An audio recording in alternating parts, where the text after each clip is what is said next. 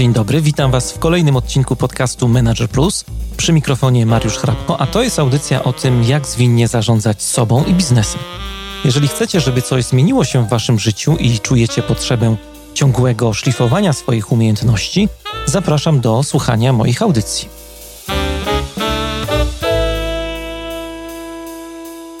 To jest podcast Manager Plus. Dzisiaj w audycji będziemy rozmawiali o duchowości lidera, a w moim wirtualnym studiu moim i waszym gościem jest dzisiaj Piotr Gąsiorowski, pastor e, Ewangelicznego Kościoła Metodystycznego, prezes Instytutu Przywództwa w Krakowie, od lat zaangażowany w rozwój liderów i podnoszenie kultury przywództwa e, w naszym kraju. Piotrze, witam cię bardzo serdecznie w mojej audycji. Witam, witam serdecznie. Mam takie, mam takie, pytanie na początek. Jakbyś sięgnął do przeszłości, jak byłeś dzieckiem, to, to kim chciałeś zostać? Marynarzem. Marynarzem? Skąd taki pomysł? No, myślę, że nie potrafię odpowiedzieć na pytanie, dlaczego wtedy chciałem być marynarzem, ale mogę teraz powiedzieć, że no, mam patent sternika o. morskiego i żegluję, ale już hobbystycznie. Mm, myślę, że wtedy najbardziej fascynowały mnie książki o podróżach. Jakoś wydawało mi się, że, że, że bycie marynarzem to gwarantuje mi jakieś podróże i przemieszczanie się. Mhm. Nie chciałem być archeologiem, no bo to też jakieś podróże. Więc jakoś tak myślałem sobie o podróżowaniu. I nigdy nie sądziłem, że jak zostanę pastorem, chociaż w tej chwili tej funkcji czynnie nie, nie, nie sprawuję, e, że będę tyle podróżował. A okazało się, że podróżowałem i wciąż podróżuję sporo. No jak to się stało w ogóle, że, że w Twoim życiu pojawił się temat przywództwa? Ja sobie tak myślałem, że może było jakieś przejście właśnie od pastora do lidera, że to jest jakaś naturalna droga w pewnym sensie, bo jesteś Trochę, liderem tak. wspólnoty, nie? Tak, to było z tym związane, tyle tylko, że jak, ja byłem bardzo młodym człowiekiem, kiedy trafiłem do swojej pierwszej parafii i miałem 21 lat i, i, i po seminarium i po, po studiach w Warszawie no, wydawało mi się, że bycie, bycie pastorem, bycie duchownym to taka mm, pozycja, która gwarantuje mi no, no wpływ, tak, chociaż wtedy nie używałem tego mhm. sformułowania, ale przynajmniej gwarantuje mi, powiem tak, gwarantuje mi posłuch. Mhm. E, no i szybko zorientowałem się, że to jest jakieś złudzenie, że to jest nieprawda, e, a jeśli już coś takiego się odbywa, to jest to bardzo powierzchowne i chyba nacechowane pewną hipokryzją. Mhm. E, I z niewiadomych mi powodów do dzisiaj otrzymałem zaproszenie na szkolenie do liderów ze Stanów Zjednoczonych. I ten wyjazd, to szkolenie trwało pół, dwa lata, co pół roku latałem tam na pięć dni, ale pierwszy wyjazd w zasadzie sprawił, że powiedziałem tak, to jest to, czym chcę się zajmować. Chcę rzeczywiście zgłębiać kwestie e, przywództwa i bycia liderem i co oczywiście miało wielki wpływ na to, jak zacząłem funkcjonować. Natomiast ta historia zaczęła się w latach 80. i trwa do dzisiaj. Mhm. A mówiłeś, że nie pełnisz czynnej roli pastora w tym momencie. Jak to jest? Znaczy, możesz zrezygnować z bycia pastorem? Ja tak trochę przez analogię myślę, że, że wielu słuchaczy też tak robi, odnosi trochę twoje bycie pastorem do bycia kapłanem na przykład katolickim, księdzem katolickim. Da się z tego zrezygnować, czy, czy to jest coś Nie, to jest kwestia rezygnacji, jakby kwestia oddelegowania do innych zadań. Tak? Święcenia są jakby no, wieczne. Nie? Święceń mm -hmm. nie zabierze, no chyba w przypadku protestantyzmu to jest to możliwe, w przypadku niemoralnego życia lub y, niezgodnego z Biblią nauczania, natomiast można być oddelegowanym do innych zadań. Ja w tej chwili mam inne zadanie, zajmuję się czymś Czyli to jest taka funkcja trochę bycie pastorem, tak? W jakimś sensie tak, mhm. tak. E, tak jak zapowiadałem dzisiaj na początku, e, będziemy rozmawiać, czy będziemy chcieli rozmawiać o duchowości lidera, i tak sobie myślę, że no na początku tej naszej rozmowy dobrze by było ją jakoś ustawić, czyli powiedzieć, czym ta duchowość jest. No bo to pojęcie, tak sobie myślę, że w ciągu historii bardzo się rozmyło. No wielu osobom duchowość kojarzy się jednak najczęściej ze sferą religijną, jakby nie było, z jakimiś aktami pobożności. E, mówi się na przykład o duchowości no wiem, mistrza Eckharta albo ojców pustyni. No, no, i czasem y, też przez duchowość niektórzy rozumieją na przykład jakieś przestrzeganie zasad moralnych. No jeszcze do tego wszystkiego y, można by dodać te różne ezoteryczne pojęcia, które się pojawiają, jak na przykład słowo dusza, duch, które nam wcale nie ułatwiają rozumienia duchowości, bo można się pytać, czy duchowość to jest sfera duszy, czy może ducha. Jak, jak to z tym jest? Jak moglibyśmy to zdefiniować? Ja muszę powiedzieć, że, że, rzeczywiście moim zdaniem e, jakieś no, usytuowanie duchowości w naszej sferze życia religijnego e, wszystkich nas okrada z czegoś niezwykle istotnego. Ja powiem, że przytoczę, przytoczę definicję Światowej Służby Zdrowia bodajże w 1976 roku, więc już dawno temu. Światowa Służba Zdrowia mm, powiedziała, że pacjent to e, jakby wyodrębniła trzy obszary człowieka. Mm, jeden to jest ta nasza fizyczność i, i, i, i jakby podkreślała, że, że każdy pacjent składa się z tego fizycznego wymiaru, soma. Jest nasza, nasza emocjonalna przestrzeń, e, psychę albo inaczej nazywana właśnie duszą. Jest jakaś przestrzeń duchowa i to jest spiryt, to jest duch. A więc jakby z definicji nawet naukowej e, e, no, rozpoznaje się, że każdy z nas ma te trzy obszary. I teraz duchowość to jest ten obszar, w którym są zakorzenione nasze największe i najważniejsze wartości, nasze najbardziej intymne przekonania i ta przestrzeń, która de facto determinuje każdą z pozostałych. I z tego wynika więc, że każdy z nas ma tą przestrzeń duchową, każdy z nas ma obszar duchowości, tylko w różny sposób ją zaspokajamy. Niestety, jak powiedziałem wcześniej, sprowadzono to do życia religijnego i to jest krzywdzące, bo to jest dużo, bogactwo tego, tego obszaru jest dużo większe i, I w związku z tym, że mamy to jakoś nieokreślone, no to są różne poszukiwania, jak tą duchowość zaspokoić, bo gdzieś takie wewnętrzne pragnienie i, i, i, i potrzeby każdy z nas niesie. A tak y, jeszcze jakbym trochę popytał o tą duchowość, tą, tą ten trzeci obszar, o którym powiedziałeś, nie dusza, nie człowiek, bo, bo tutaj emocjami się nie będziemy dzisiaj zajmować. Jak to tak przełożyć bardziej praktycznie? O co chodzi? Bo pojawiły się na przykład wartości, czyli bycie duchowym liderem, czyli dbanie o duchowość to jest na przykład dbanie o to, co jest ważne w swoim życiu, w naszym życiu. Tak, bo wiesz, jakby jakiekolwiek byśmy definicje nie przytaczali, to mhm. jednak ta definicja się musi jakoś wyrazić, tak? Musimy to jakoś przekazać w takim praktycznym działaniu. Mhm. No właśnie. Nich, no, wartości, tak? Jakby to, co jest głęboko we mnie ukryte i co, co prawdziwie jest dla mnie ważne nie to, co mm, rola społeczna mi nadała. Tak? To, co prawdziwe jest, prawdziwie jest dla mnie ważne, to, jest, to są moje wartości, które, które, o które chcę dbać. Tak? To jest kwestia spójności. Tak? No, no jeśli, jeśli żyję zgodnie ze swoimi wartościami, to żyję spójnie. I, I wartości są jednym z tych sposobów, na który wyrażamy naszą duchowość. No, jeśli chodzi o wartości. A na przykład y, no, przy wartościach też się pojawia jakieś poczucie celu, poczucie sensu, który jest gdzieś tam myślę, poza nami, wiesz, czy to jest, czy, czy, bardziej wartości jednak tutaj? Ja bym, ja bym bardziej opierał się na wartościach, tak, bo, bo, bo poczucie sensu no, będzie konsekwencją tego. Tak, każdy z nas ma wartości, ale jak patrzę na świat, jak patrzę na liderów, no to niestety ze smutkiem odkrywam, że wielu z nas żyje no trochę wbrew temu, co tak naprawdę uważa i sądzi. Tak jak powiedziałem wcześniej, rola społeczna, nie wiem, koniunktura, potrzeba ekonomiczno, społeczno, nie wiem jeszcze jaka, sprawia, że, że my te wartości jakoś trzymamy w ukryciu, e, mimo niby je mamy, ale zgodnie z nimi nie funkcjonujemy.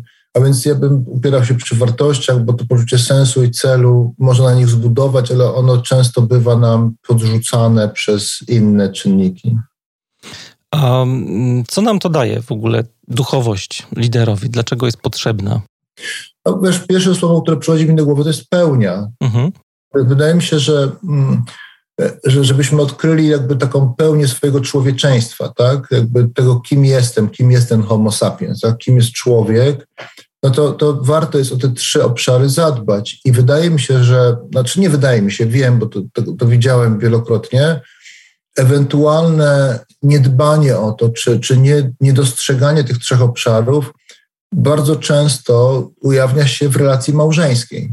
Mm, tam, gdzie zaczyna brakować szczególnie jakiegoś takiego fundamentu, czegoś, co, co wyznacza jakiś kierunek i cel i w życiu małżeńskim. Mhm. E, bo e, to, że ludzie się kochają, nie podlega dyskusji. Mm, no ale mm, dobrze wiemy, że życie to nie są tylko różowe baloniki i kwiatki i jednorożce, tylko życie jest trudne. I czasami bywamy na siebie naprawdę źli, czy, czy naprawdę przeżywamy trudne chwile. E, I wtedy, kiedy mamy te trzy obszary jakoś dobrze ogarnięte i one są między nami, to wtedy jesteśmy w stanie z tego wychodzić, sobie z tym radzić. No tak sobie myślę jeszcze a propos tego, co mówisz. Dla mnie kiedyś takie odkrywcze dosyć było stwierdzenie, że w życiu duchowym chodzi o życie tak na dobrą sprawę. To, to tak wygląda na taką prostą tautologię, ale wydaje mi się, że tautologią nie jest do końca, bo lider jest takim, e, no jakby nie był organizatorem życia przez to, że pełni jakąś rolę czy funkcję, może to jest lepsze słowo, bo rolę się jakoś można ją odgrywać, tak jak w teatrze, nie? że pełni tak. pewną funkcję we wspólnocie ludzi i, i, mm, ma szansę też przez to bycie w tej wspólnocie e, sam się dokona, doskonalić, nie dochodzić do jakiejś takiej pełni, tak jak mówisz, do ideału człowieczeństwa. No religię pewnie użyliby słowa e, świętość, nie? bo to jest jakaś tam świętość, tak nawet patrząc świecko na to, ten ideał człowieczeństwa nasz. No wiesz, tego no znowu świętość, jeśli rozumiane jako doskonałość, no to nie. Mhm pomimo tej pełni i tego pełni człowieka, no nikt z nas doskonały nie jest. Natomiast wiesz, jeśli mówimy o takiej pełni, takim, no właśnie to, że to jest życie, no to jak patrzę na te ostatnie badania i, i jakby trendy, które obowiązują, zaczynają obowiązywać ponownie w przywództwie, no to poszukujemy liderów prawdziwych, autentycznych. Autentyczność jest cechą numer jeden poszukiwaną u lidera. Trudno być autentycznym, no nie mając, y, jakby nie żyjąc spójnie. A więc wydaje mi się, że jeśli, jeśli mówimy duchowość to życie, no to dla lidera to jest życie do kwadratu, tak? No bo to nie tylko dla samego siebie, ale także dla tych, którzy nam zaufali. Ale tak sobie myślę też, bo kiedyś też o tym myślałem trochę, czym, czym jest ta mm, autentyczność w duchowości też. Mówimy o życiu, ale to jest takie życie nie jakieś, no nie wiadomo jakie z bajki na przykład, nie? tylko taka codzienność, nawet bym powiedział szara codzienność, czy umiejętność zakorzenienia się w tej e, takiej szarej e, codzienności, bo tam wielu z nas jakby rozstrzyga różne wybory, które są mniej lub bardziej dla nas autentyczne, wybory, które decydują o naszym życiu. Myślę, że ta autentyczność między innymi, pewnie można by długo o tym opowiadać, ale mhm. między innymi polega na, na, tym, że dajemy sobie prawo do wątpliwości, do, do, e, do jakichś zmagań, że, że nie, nie udajemy, że wszystko jest ok. No dla mnie jedną z najważniejszych wartości jest wiara, no ale to nie oznacza, że ja nie mam chwil zwątpienia czy jakiegoś takiego no, czasu, w którym jest trudno mi to wszystko pozbierać. E, I wydaje mi się, że na tym to polega ta autentyczność, że ja nie próbuję ukrywać. Zresztą z mojego doświadczenia jako lidera muszę powiedzieć, że wtedy, kiedy w końcu się zdecydowałem, tak, to zajęło mi wiele lat, to pewnie było związane z różnymi czynnikami, dlaczego tak długo to trwało, kiedy po raz pierwszy, pamiętam, powiedziałem, no w gronie swoich ludzi, ale w takim dość dużym gronie, o jakiejś mojej pierwszej porażce, to bliskość relacji, czy głębia tej relacji, którą miałem, no, jakby, no, zwielokrotniła się, tak? I to nie dlatego, że, że wcześniej nie miałem dobrej relacji, ale po tym takim przyznaniu się do tego, że jestem autentyczny, ale też wątpię, albo mam problemy, albo z czymś sobie nie radzę, wiele osób do mnie podeszło mówiąc, no nareszcie człowiek, tak? nareszcie tak, no widzimy, że jesteś normalny. E, ja bym się chyba w mhm. tej przestrzeni zatrzymywał. Bardzo, bardzo ciekawe to, co mówisz jest, bo myślę, że to jest też taka trochę zdolność, ta autentyczność to też przejawia się w takiej naszej zdolności do zobaczenia swojego cienia. Nie? Teraz mamy taką trochę e, kulturę talentów. Dużo się mówi o talentach, mocnych stronach i, i pracy na tych talentach. To jest oczywiście ważne bardzo, ale liderzy trochę zapominają o tym, w czym nie błyszczą. No, jest takie, taki cytat Alberta Camus, który mówił, że nie ma słońca bez cienia. Pytanie też, czy, czy dostrzegając te swoje takie ułomności, y, to może nas jakoś prowadzić do mm, lepszego określenia kierunku w naszym życiu, patrzenie właśnie na ten y, taki świat tej ciemnej strony naszego człowieczeństwa. Nie, no jasne, do, do, jasne. To z pewnością pomoże nam jakoś ten kierunek lepiej określać, ale wiesz, poznając swoje te, te cienie, tak? ja pamiętam wykład sprzed wielu lat mm -hmm. w Stanach Zjednoczonych zatytułowany Shadow Mission. To jeden z takich dla mnie też ważniejszych y, y, wykładów, których słuchałem w życiu.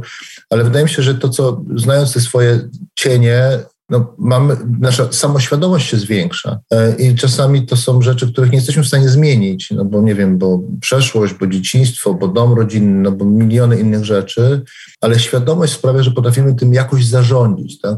albo, ewentualnie chronimy się. Tak? Jakby są obszary, o których ja mogę powiedzieć w swoim życiu, że że jestem ich świadom, po prostu tam nie wchodzę. Jeśli jest jakaś sytuacja, która by sprawiała, że muszę właśnie w tej przestrzeni funkcjonować, to ja mówię nie, bo, bo wiem, że to jest ta przestrzeń, której, której nie powinienem się, mm, nie powinienem próbować nawet, bo to jest ten mój cień. E, I dla mnie, mm, ja nawet nie, jasne, no trzeba zmieniać, dbać o to, żeby się rozwijać, mm, chociaż ja też jestem fanem tego rozwijania, tego, co jest nas dobre i, i najlepsze. Mhm ale świadomość tego, co jest we mnie słabe, czy trochę mniej ogarnięte, e, pomaga, no znowu wrócę do tego, może to zabrzmi za chwilę jak slogan, ale do tej autentyczności i prawdziwości. No i refleksyjność chyba, to tak trochę gdzieś tam wybrzmiewa w tym, co mówisz, że w duchowości chodzi o tą umiejętność mm, refleksji, e, na którą nam brakuje czasu dzisiaj. No jest taki czas deficytu uwagi, dużo się o tym mówi, że wszyscy pędzimy, liderzy są trochę taką kulką we fliperze, która się odbija to tu, to tam. I tej wartości refleksji jakby się nie docenia, albo nie ma się czasu na to, żeby właśnie zatrzymać się, wyjść z ramy trochę, poprzyglądać się sobie. Co można z tym zrobić? No, kultura nam tego wręcz zabrania. Nie? Mm. Kultura taką refleksję często traktuje jako słabość albo niezdecydowanie e, i, i my jakoś nie wiem, dlaczego pozwalamy sobie na to, ale jest w tym nadzieja, Dlatego, że badania pokazują, że dwie trzecie liderów to introwertycy. A introwertycy naturalnie poszukują przestrzeni do autorefleksji. Natomiast tak, no, pytasz, co z tym zrobić? No zadbać o to. Jakby nie, nie, jak kiedyś, kiedyś, to było też w kontekście takiej duchowości, to był taki artykuł, który pisałem mm, do chrześcijańskiego czasopisma i tam użyłem takiego sformułowania, zacytuję, ale za chwilę je trochę przerobię. Napisałem takie zdanie, że jeśli, że jeśli no, diabeł, szatan nie może uczynić ciebie kimś złym, to uczyni zajętym. E, I gdy miał to zmieniać kulturowo, to powiedziałbym, że, że jeśli, że jeśli mm, no, z natury mamy w sobie dobro, ja wierzę w to, że człowiek niesie w sobie dobro e, i, i, i nie stajemy się ludźmi złymi, czy takimi, którzy czynią zło, no to być może staniemy się zajętymi i efekt końcowy będzie dokładnie taki sam. E, I wydaje mi się, że na pytanie, co z tym zrobić, no uważność, uważność, uważność i, i, i każdy lider powinien zdawać sobie z tego sprawę, że czas mamy na to, na co chcemy mieć czas, zadbać o taki czas, w którym rzeczywiście ta przestrzeń jest, jest mam przestrzeń na taką autorefleksję. No trudna to jest rzecz, właśnie trening tego, bo to jest taka rzecz, myślę, której się no, nie da, tak jak czasami po schodach przeskakujemy dwa stopnie do góry, tylko trzeba ten proces e, jakby przejść. Czasami jest trudno. Jeśli chodzi na przykład, nie wiem, o ćwiczenie uważności, o odklejanie się od swoich myśli, e, żeby też e, przyjąć taką postawę świadka trochę, tak jak mówisz, i powiedzieć sobie, że tak, jestem na przykład tym cieniem, jestem tym słońcem, jestem tymi myślami, E, tymi różnymi emocjami, które są w nas, ale też jestem czymś więcej mimo wszystko. Nie? To nam daje e, uważność, o której mówisz. Wiesz co, tu teraz poruszyłeś mnóstwo różnych aspektów, bo z jednej strony sobie myślę, kurczę, no ale każdy lider to jest też taka moja dewiza, że, że lider nie powinien robić niczego sam, a więc każdy lider powinien mieć jakiegoś mentora, czyli kogoś, kto ma do nas dostęp i może zadać każde pytanie i taka osoba może nam pomóc w uważności. Inny aspekt to jest to, że każdy lider powinien wiedzieć, że dyscyplina jest czymś ważnym i kiedy mówimy o duchowości, to sobie myślę, że dyscyplina jest zaraz obok, że to jest bardzo istotny czynnik naszej duchowości, więc każdy lider powinien no, mieć takie poczucie dyscypliny i, i, i umiejętność zorganizowania sobie tego. Na po trzecie ta samolotowa zasada, którą Buckingham chyba rozpropagował, którą wszyscy znamy latając samolotami, że maskę tlenową należy założyć wpierw sobie. Jeśli o to nie zadbamy, o dopływ tlenu dla siebie, no to nie będziemy w stanie pomóc nikomu innemu. Więc wiesz, tutaj trzy aspekty różne poruszyłem, ale tak, to jest bardzo bogaty, ale istotny temat. No. No i jeszcze jest taka jedna rzecz, o której sobie myślałem w kontekście duchowości. Dużo o tym się mówi y, w religii chrześcijańskiej. To jest temat pokory. Bo mówiliśmy trochę o takim, takich ciemnych stronach, dostrzeganiu, czy w ogóle świadomość tego, tak jak powiedziałeś, e, świadomość tego, w czym nie błyszczymy, może nam pomóc, mimo że skupiamy się na tych dobrych stronach, ale pokora to jest taki czynnik, który też może nam pomóc jakby w budowaniu naszej duchowości. Pokora jest takim słowem, to pewnie się ze mną zgodzisz, dość niepopularnym, chociaż no, jak jesteś człowiekiem, który jakby pracuje w społeczności takiej związanej z kościołem, mimo wszystko, ze wspólnotą religijną, to tam się pewnie dużo o tym mówi, ale tak na co dzień, jak popatrzymy sobie na liderów, to, to jest taki trochę inny zupełnie mindset, nie? To jest taka kultura niepokorna w organizacjach, rozpychanie się łokciami, czy jakaś taka rywalizacja, promowanie siebie kosztem innych. Kiedyś dotarłem do takich badań, które, które prowadził Robert Grad, blisko 75 krajów. I on właśnie wziął na tapet różne takie pożądane cechy charakteru, między innymi mm, pokorę. No i okazało się, że tam w większości krajów, Stany Zjednoczone, na przykład Europa czy mm, Azja Wschodnia, ta pokora znajdowała się na 23, na 24 miejsc, więc przedostatni e, punkt jakby w całym, w całym rankingu. Ale pokora to też myślę, ta niepopularność wynika trochę z tego, że, że jest tak e, rozumiana jako garbienie się, nie jako takie uniżanie w słowniku języka polskiego nawet jest taka definicja, jakby zgięty w pół. No właśnie. E, wiesz co, no, poruszasz temat, który ostatnie, nie wiem, dwa albo trzy miesiące nawet mnie zajmował, temat pokory. O. Tego, że rzeczywiście to cecha pożądana, tak? jakby wszyscy mówią, tak, to ważna cnota, tak, to ważna, ale niechciana. Ja nawet na którymś tam wystąpieniu niedawno, kiedy mówiłem o pokorze, podawałem taki przykład osoby, która aplikuje o pracę. Mhm. I te wszystkie e, e, kompetencje, które były potrzebne, ta osoba miała i przeszła całą rekrutację, w ogóle sukces i tak dalej. I na sam koniec spotyka się z właścicielem firmy, dużej firmy, tam miała pracować na stanowisku dyrektora wykonawczego e, i tu właściwie gratuluje, że, że tutaj będzie pracowała i że w ogóle jest świetnym fachowcem, zapowiada się jako świetny fachowiec i na koniec na pożegnanie wraz z wiązanką kwiatów mówi do niej tylko proszę pamiętać, żeby pani była pokorna. No i rozumiesz, taka informacja zaraz, ja nie wiem, czy chcę tam pracować. Więc pomyślałem sobie, że, że warto zastanowić się nad tym, czym, co to znaczy pokora, nie? to rozumiemy. I, I definicja, którą ja staram się propagować, to jest taka definicja, że pokora to jest ta przestrzeń, w której nie myślę o sobie za mało, nie zaniżam swojej wartości, ale też nie, nie zawyżam jej. Po prostu no, znowu wracamy do autentyczności prawdy o sobie. Tak, takie życie w prawdzie jest, tak jak mówisz. Tak, no, wiesz, jakby ja jestem, e, mogę być pokorny, dlatego że no, znam prawdę o sobie. Nie muszę się być zgięty w pół i uniżony. E, mogę, mogę e, funkcjonować z podniesioną głową i dbać o to, żeby no, nie popadać w jakąś megalomanię na własny temat i nie, nie rzucać się na w przestrzenie, które nie są moje, ale też nie zaniżać. No, w Polsce mamy szczególny problem z niską samooceną. Mm, to jest dość duży społeczny problem, ale, ale dla mnie pokora jest właśnie tym, takie świadomo, znowu świadomością, widzisz, co jest moją przestrzenią, która, która, której coś potrafię i nie myślę o sobie za dużo, ale też potrafię, więc nie mam powodu, żeby przepraszać za to, że coś umie i, i że, że potrafię coś zrobić. I tak rozumiana pokora no, sprawia, że to trochę inaczej zaczyna wyglądać. Tak? Jakby mogę być pokorny, no bo wiem, co mogę zaproponować i wiem, czego nie. Tak, no myślę, że to jest cenne, że to jest życie, życie w prawdzie i taka świadomość tego, no jacy jesteśmy. Jak nie mam na przykład słuchu, e, to nie udaje, że jestem jakimś super muzykalnym człowiekiem na przykład, nie? To, to są... No dokładnie tak, tak, tak, to prawda, no, no świetnie. To są mniej więcej te rzeczy. E, chciałbym jeszcze wrócić do, do wartości, bo w sumie powiedziałeś na początku, że, że duchowość to są wartości, czy, czy praca z wartościami. E, co nam to daje w ogóle jako liderom? Tak znowu praktycznie, tak, tak na co dzień, że mamy poukładany ten świat y, tego, co jest dla nas ważne, że mamy jakąś listę może w, w głowach, w sercach. Wiesz to tylko jedno zdanie. Ja nie powiedziałem, że duchowość to wartości. Nie? Ja mhm. powiedziałem, że, że wartości są zakorzenione w naszej duchowości. To jest ta przestrzeń, gdzie one są, gdzie one się znajdują. Natomiast co nam to daje? Wiesz, no, było to już teraz jest mniej tak popularne i, i rzadziej cytowane słowo priorytety. E, no ale jeśli popatrzymy na to, jeśli na każdy lider z nas, każdy z nas powinien umieć sobie jakieś priorytety w życiu poukładać, no to jeśli nie mamy wartości, to, to, to będzie trudno nam priorytety poustawiać. Jeśli mamy jakieś wartości, rzeczy, które są dla nas ważne, no to jakby konsekwencją tego jest umiejętność e, e, ustawienia rzeczy ważnych, ważniejszych i najważniejszych i zgodnie z tym trochę funkcjonowania. No, mimo wszystko nasze, nasze takie aktywne życie jest dość krótkie. I, I, myślę sobie, że, że optymalizacja naszego życia no, pomaga nam je dobrze wykorzystać. Tak jakby rzeczywiście zostawić jakiś ślad po sobie i, i wartości pomagają nam ustawić te priorytety, w oparciu o które e, no, możemy funkcjonować, jakby nawet podejmować działania, czy wyznaczać sobie kierunki działania.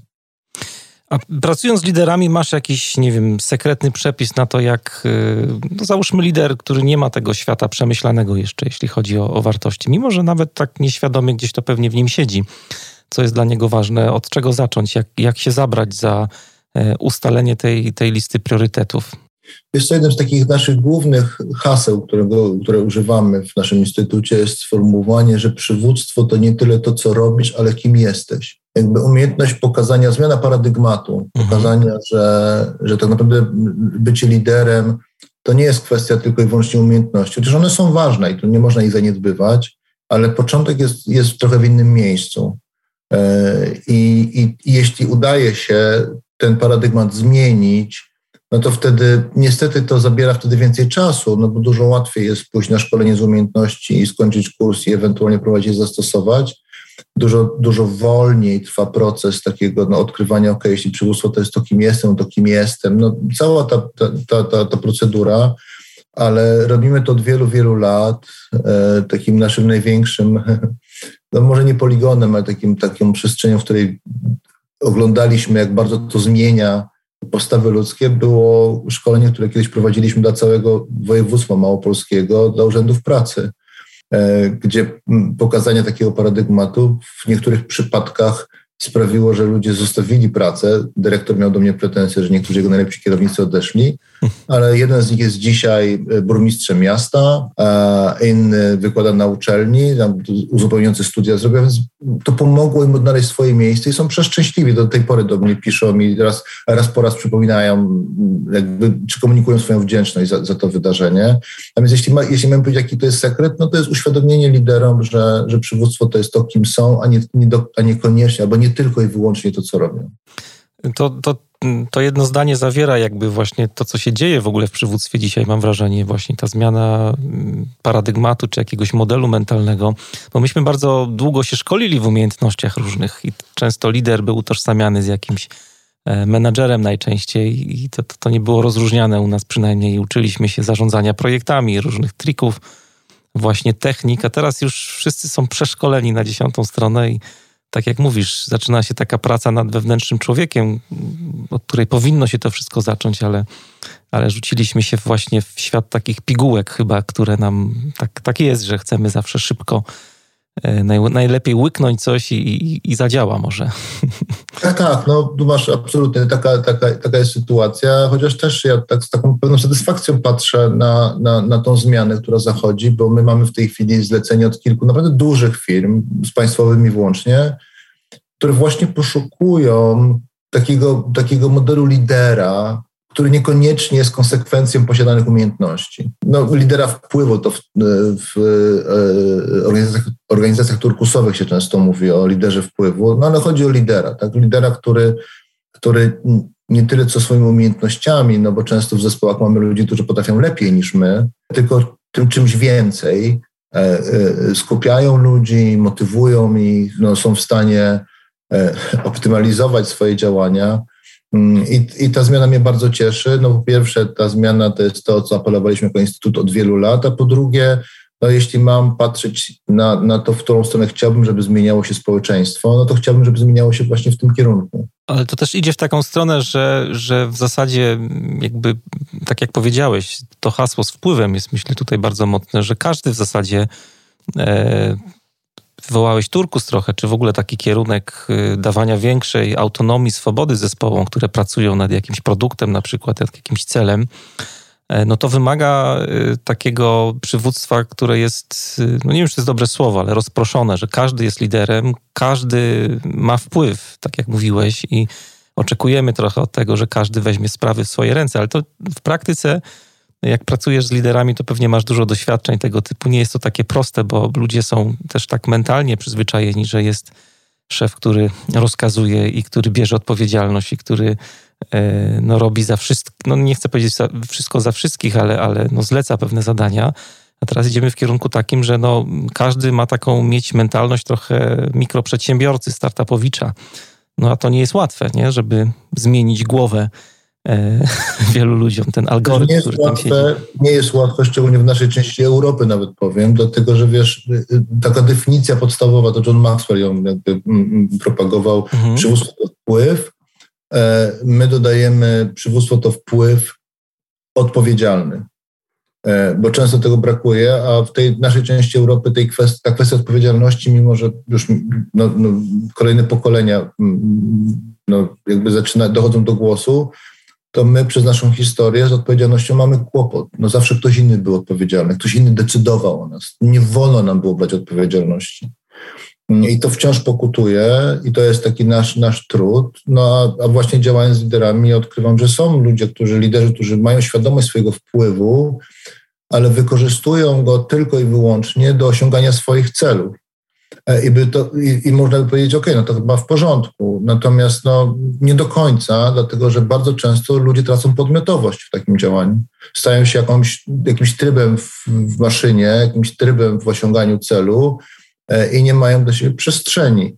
Mm, I oczywiście chodzi o to, żeby osiągać cele, ale no, z ludźmi, tak, żeby ludzie mieli ten, to, to poczucie swojej podmiotowości, e, a Patryk Lęcioni napisał książkę o tym, dlaczego najważniejsi pracownicy czy naj, najistotniejsi pracownicy odchodzą od nas. To powodem numer jeden jest brak podmiotowości, jakby są niedostrzegani, niezauważeni. E, I kiedy znowu to był chyba Daniel Pink, e, kiedy pisał o motywacjach, to mówi, że motywacją numer jeden dla, dla osoby, dla lidera jest bycie zauważonym. A więc to się tak wiesz, przekłada na różne sposoby I, I, moim zdaniem dla skutecznego działania lidera nie ma innej drogi, jak jakby świadomość takiego rozproszonego przywództwa, jak powiedziałeś. A z takich rzeczy, które napotykasz na swojej drodze pracując z liderami, co, co jest najtrudniejsze w, w zmianie tej mapy mentalnej? Jak, y, nie wiem, rozmawiasz z liderami, czy, czy obserwujesz ich na co dzień? Co sprawia im największy kłopot, jeśli chodzi o taką zmianę? Wiesz, to może zabrzmi infantylnie, ale prawdziwość, autentyczność. Jakby boimy się tej autentyczności. Mamy takie poczucie, to trochę jest oczekiwanie społeczne, ale takie poczucie, że oczekiwania od nas są takie, a nie inne i że my powinniśmy jako liderzy im zadość uczynić. I nie dajemy sobie przyzwolenia na takie, na, na, na bycie człowiekiem, na prawdziwość, na, na, na autentyczność. I to jest największy problem. Rzeczy, nie robiliśmy takiego rankingu, ale tak jak myślę sobie teraz na gorąco, to wydaje mi się, że, że najczęściej mamy z tym kłopot, że, że jeśli są powody, dla których ludzie rezygnują z jakiegoś programu, mm. który uczestniczą, e, prowadzonego przez nas, to jest właśnie to, że jakby decydują się, że to jest nieistotne, a co nas to obchodzi, on, jego zadaniem jest doprowadzić rzeczy, to on ma jakby jest w zakładzie pracy, on ma, on ma e, motywować ludzi, a co kogo to obchodzi, kim jestem, z czym się zmagam, E, i, i, i wycofują się z tego. Więc taka, takie spotkanie się z sobą, zresztą ja też to powtarzałem na kilku konferencjach, że najtrudniejsze spotkanie, jakie lider ma do odbycia, to jest spotkanie z samym sobą. Bo pojawiło się tutaj w tym, co mówiłeś, też słowo wrażliwość i, i tak sobie pomyślałem o wrażliwości, o której mówi dużo Brené Brown, która jakoś tam się chyba spina z tą autentycznością, czyli taka mm, umiejętność no, działania, mając gdzieś w tyle głowy to, że może się to działanie nie udać, albo niepewność celu, e, do którego dojdziemy jakby w wyniku tego działania. E, to słowo jest tak, wrażliwość po polsku to, to nie do końca oddaje to angielskie słowo vulnerability, bo, bo właśnie tam to jest taka pewna u Brené Brown emocja, która pojawia się, kiedy wychodzimy na arenę i no nie wiemy jak będzie, nie? czy dostaniemy lanie, czy nie dostaniemy lania od życia ale nie wiem, czy miałeś okazję usłyszeć ją, bo ja akurat słuchałem tego, to chyba nie jest dokładnie w książce opisane, jak mhm. ona tą definicję wrażliwości próbowała opowiedzieć e, i podała na podstawie tego taką nową definicję miłości. Jak ja ją usłyszałem po raz pierwszy, to rzeczywiście zmieniła moje postrzeganie. Mhm. No nie mogę powiedzieć, że cały świat zmienił, ale dużo. Mhm. I ona mówi, że miłość to gotowość do bycia zobaczonym. No ciekawe bardzo. Gotowość do bycia widzianym. Jak sobie myślę, kurczę, jeśli mówię, że kogoś kocham, to znaczy, że mam zgodę na to, że on widzi mnie. No i to, wiesz, to jest duże. Dla mnie to było bardzo duże, no bo to właśnie mówi, to inaczej zupełnie ustawia wrażliwość, inaczej pokazuje autentyczność, y, no i, i inaczej pokazuje jakby sposób budowania relacji, jakby no ich głębie, tak, no bo, e, bo my nawet często w naszych związkach niekoniecznie chcemy, żeby nas do końca widziano, ja? co to dopiero w relacji liderskiej. Chciałem nawiązać jeszcze do jednej rzeczy takiej y, związanej z tym, co robisz, bo dużo mówiłeś też o Instytucie Przywództwa, ale też y, jesteś człowiekiem, który zastoi, stoi za taką y, bardzo fajną inicjatywą, w skrócie GLS-em, Global Leadership Summit. Y, powiedz parę słów o tym, co to takiego jest. E, e, wiesz co, my w Instytucie podzieliliśmy sobie e, nasze działanie na trzy obszary. Mhm. Jeden to jest właśnie rozwój charakteru, to jest tam, gdzie właśnie mówimy o, o, o, prawdziwości. Drugie są oczywiście umiejętności, no bo to jest ważne. I trzeci to jest, tak my nazywamy to innowacją. I GLS to jest, to jest światowa konferencja, to jest największa konferencja na świecie dla liderów. Ona tam jest w ponad 100 państwach, ponad 400 tysięcy ludzi w niej uczestniczy. I my robimy polską edycję. E, i, i, i mówcami w czasie tej konferencji są zazwyczaj osoby, które są prekursorami pewnych przestrzeni przywództwa. Pokazują z jednej strony wartość i ważność innowacji, a czasami, tak jak w tym roku, bo to nie w tym roku było, e, było kilka osób, które osiągnęły olbrzymi sukces, sukces finansowy, liczony w biliardach dolarów, opowiadały o tym, jak, jak to, no właśnie, spotkanie z sobą, albo no, w jednym przypadku to była kwestia również wiary, sprawiło, że, że, że, że ten kontakt z samym sobą mm, pomógł tej konkretnej osobie nie zrezygnować nawet po tym, jak 300 razy usłyszała, że tego nie weźmiemy. Ja sobie myślę, kurczę, 300, ja bym po 10 pewnie zrezygnował. E, ale, ale i to są te historie. I GLS to jest taka, takie spotkanie liderów, którzy, no właśnie, mają jakieś, tak są prekursorami, to jest jeśli chodzi o scenę, a z drugiej strony sceny GLS jest wydarzeniem dla liderów, kropka.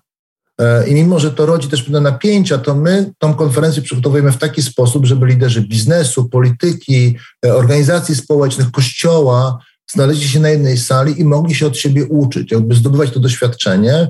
E, I chyba nam się w Polsce to udało, dlatego że kiedy w ubiegłym roku no, była pandemia, nie można było mieć wydarzenia na żywo, to wiele osób, i tu wiesz, 50%, bo, bo nasza konferencja gromadziła 1500 osób, E, to jakieś 50% osób powiedziało, że no nie przyjadą w tamtym roku na konferencję, bo oni potrzebują spotkania z drugim człowiekiem. Mhm. No w tym roku było dużo lepiej, bo było wydarzenie na żywo, no chociaż nie do końca tak, jak byśmy chcieli, ale było już dużo lepiej.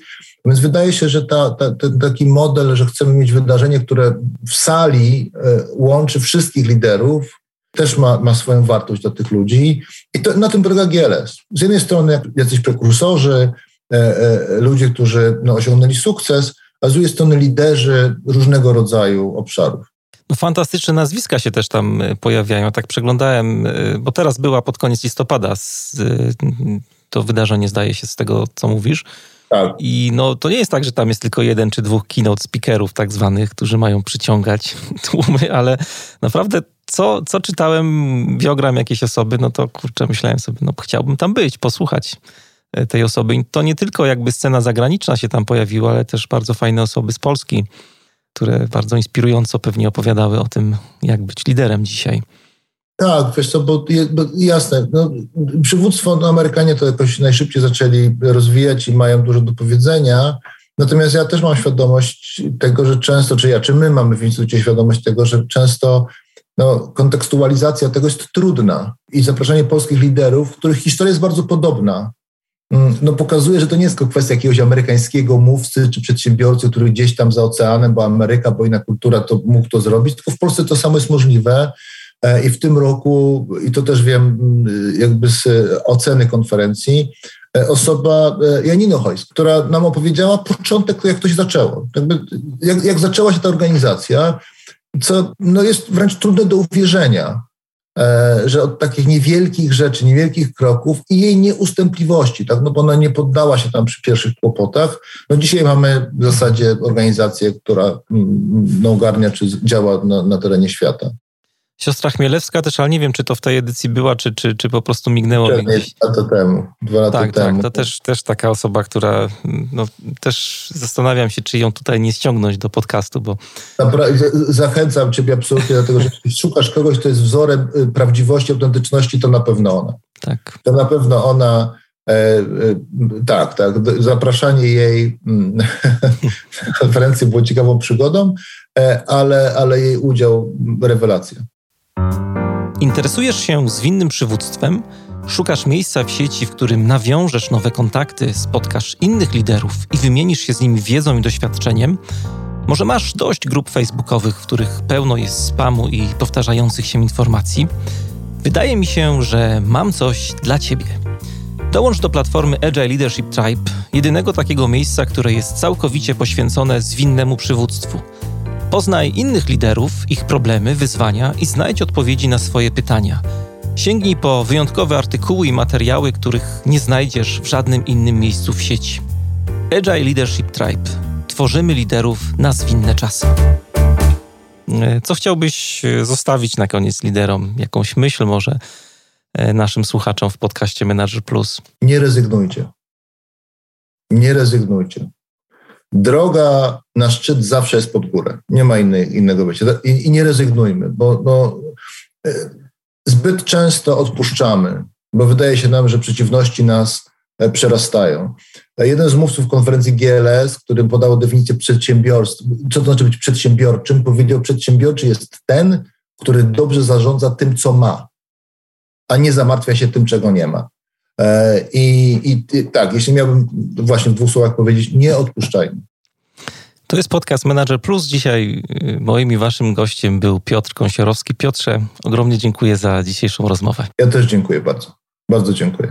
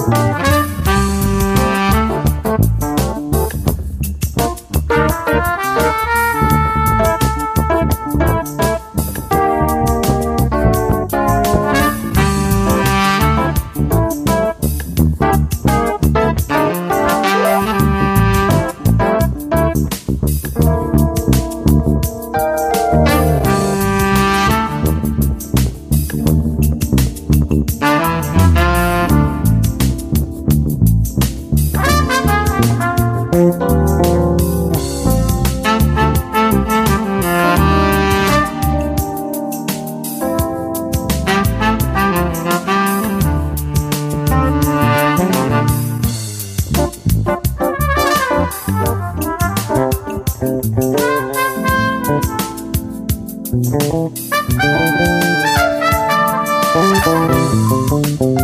you.